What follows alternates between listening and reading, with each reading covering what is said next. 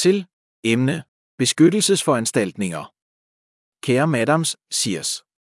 Som vi ved, er vi i denne periode tvunget til at håndtere sikkerheds- eller terrorhændelser, der desværre opstår fra tid til anden.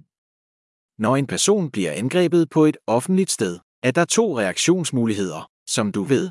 En mulighed er at kæmpe tilbage og kæmpe med den samme gerningsmand, og den anden mulighed er at forsøge at flygte fra stedet, indtil raseri passerer. Når det kommer til en handicappet person, og endnu mere sandt, når det kommer til en person, der er rullestolbundet, at ingen af disse to måder mulige.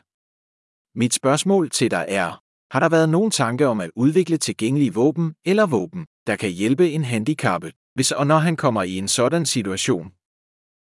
Og i det omfang sådanne våben er åbne på det tekniske niveau, skal du overveje, hvordan man fastlægger kriterier og test, der sigter mod at bestemme, hvilke handicappede der har adgang til sådanne våben, og dette skyldes potentialet ved at misbruge en sådan ret til selvforsvar. Eller er det en vilfarende og skør idé, eller etisk eller moralsk uacceptabel, der ikke er værdig af nogen art? Hvad synes du? Jeg vil bemærke, at jeg ikke har kendskab til åbne våben og ingen adgang, som jeg kun kender som en handicappet person, der med jævne mellemrum søger produkter til at hjælpe i det daglige liv efter behov. Med venlig hilsen. Asaf Benjamini